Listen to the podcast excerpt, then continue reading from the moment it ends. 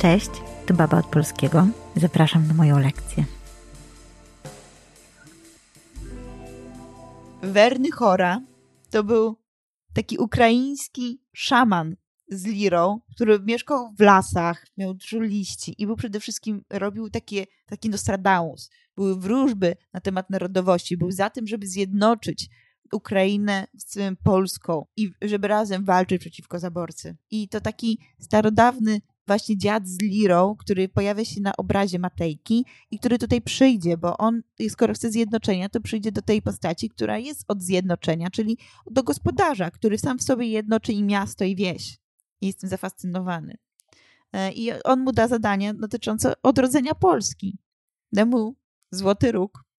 Ten jego koń tutaj zgubi podkowę, złotą podkowę. On jest taki, jakby był chory, tylko że przez samo H. To wracając do symboli. Wernychora jako postać też już jest e, sam symbolem, a jednocześnie jest widmem, który się ukazuje gospodarzowi, czyli Włodzimierzowi Tetmajerowi, bo on by chciał ich wszystkich jakoś zjednoczyć, więc jemu się pokazuje Wernychora. Tylko niestety gospodarz będzie pijany i będzie się przewracał i żona mu powie gospodyni, idź się kładź tutaj, odpocznij tutaj na paltach. Nigdzie nie wychodzisz jeszcze z kosą? Z kosą po nocy pijany? Nie ma mowy. No bo Wernychora kazał zebrać broń, zebrać wojska i wyruszyć konno, e, zebrać wszystkich ludzi na takim polu i zadąć wróg, jak wszyscy już będą gotowi, o świcie. To tak po szlachecku. Było w baroku takie teksty o tym, że już byli Tatarzy za rogiem, już podpalali, więc ten budził wszystkich, że ej, ej, ej, Sarmaci, trzeba szybko się szykować do walki, oni już tu są. Oni, co ty jesteś, człowiek? Dlaczego budzisz okrutników w środku nocy? I tam duże wyzwiska leciały w tym wierszu, zaczynające się na AS, a później synu. I w końcu ten nie miał co zrobić, więc się też położył spać. Aczkolwiek wszyscy, którzy bronili, raczej nie byli wyspani. W każdym razie ten Werny Chora jest bardzo ważną postacią, bo to jest taki legendarny dziad z czasów romantyzmu. I oni go tutaj przywołują jako symbol właśnie zjednoczenia narodowego, jakiejś takiej wróżby dobrej przyszłości, że się uda uzyskać niepodległość. On jest postacią, która występuje w wielu tekstach romantycznych, będzie występował w późnych dramatach Słowackiego, na przykład w Śnie Srebrnym Salomei. Zapamiętać trzeba Werdychorę. Tylko taki dziad z lirą szaman właściwie. E, scena 15. Tutaj byliśmy. Pojawia nam się poeta. E, elektryczność z oczu bije. Zgrzałam się przy tańcowaniu. Pani marzy o kochaniu. Co tam pani serce czyje? Może pańskie serce zatem? Umie pani strzelać batem? Bardzo śmiałe rozmowy. Jak to? Co to? Tak przez kogo? Tak w powietrze, szeroko. Co ten panu serce czyje? A umie pan kopnąć nogą? Tak przez kogo? Nie tak strego, tak w powietrze, wysoko. No co, po co? Dla niczego. To nic złego. I nic tego. To zagadka, sfinks, meduza wiecie, czym jest Sfinks i czym jest Meduza. Tu była taka przenośnia, że to chodzi o to, że one wzbudzają lęk. Może z tego pan odgadnie nowoczesny styl harbuza, tak jak ja odgadłam snadnie próżność na wysokiej skale w swojej własnej śpiącą chwale. Harbuz to arbus oczywiście.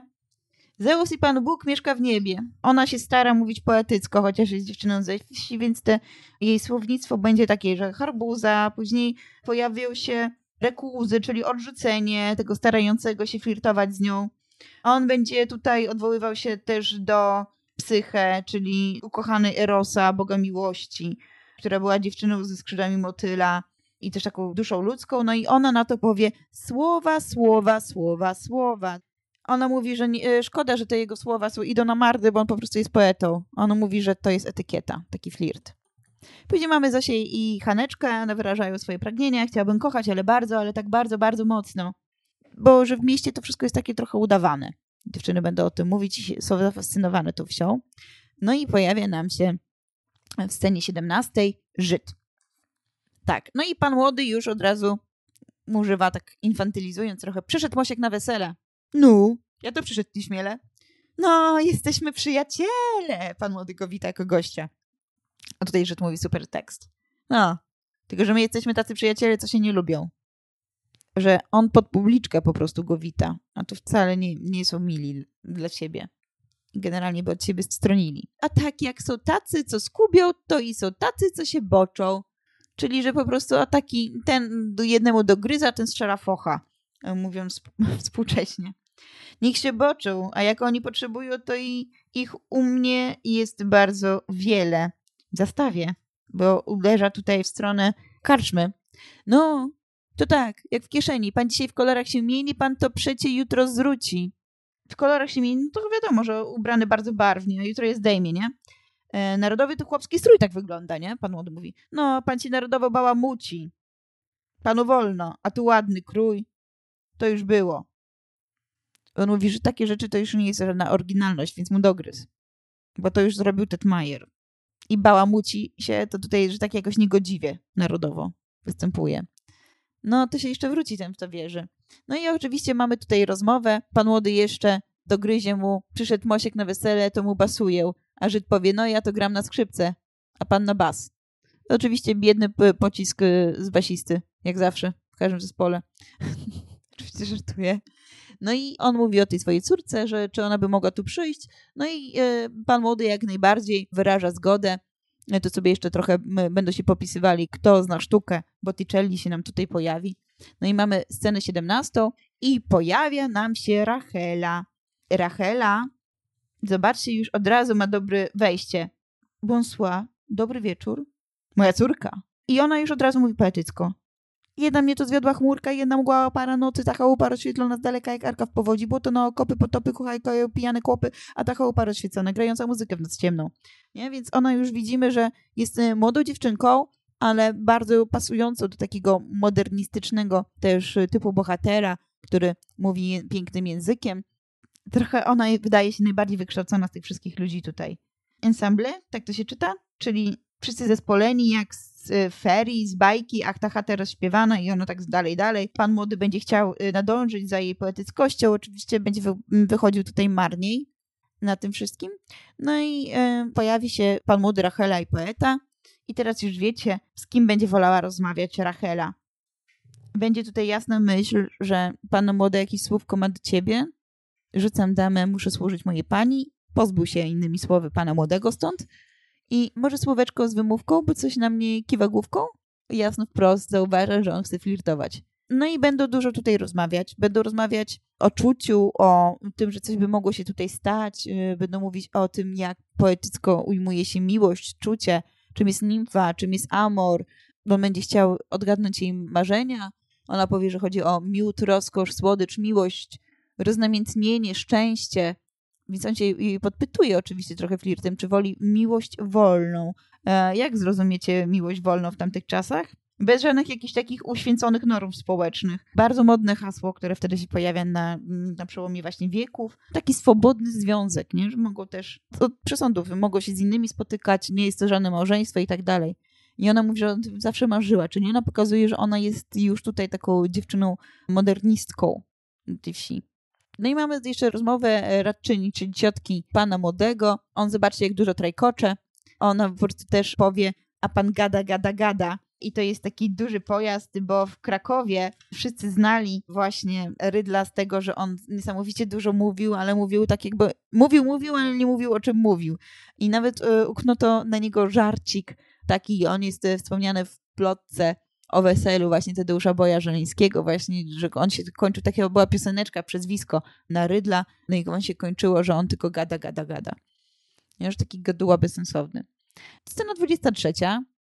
Tu sobie porozmawia Rydel z poetą. Przypomnę, że Rydel marzy o tym, żeby być bliżej Kazimierza Przyrw-Tetmajera, że te jego wiersze będą takie bardziej uświęcone, więc on chce się do niego zbliżyć. I tutaj rozmawiają trochę o idei sztuki. Ten mówi, że trzeba by lutni Homera, a los, atmosfera, a ogień, a płomieni góra, czarna obłoków chmura, co by się ze stosów zbiła.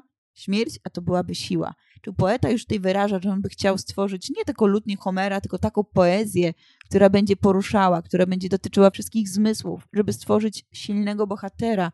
Marzy mu się taka silna postać, siła. No i oczywiście to ma związek z tym, jakie widmo mu się pojawi.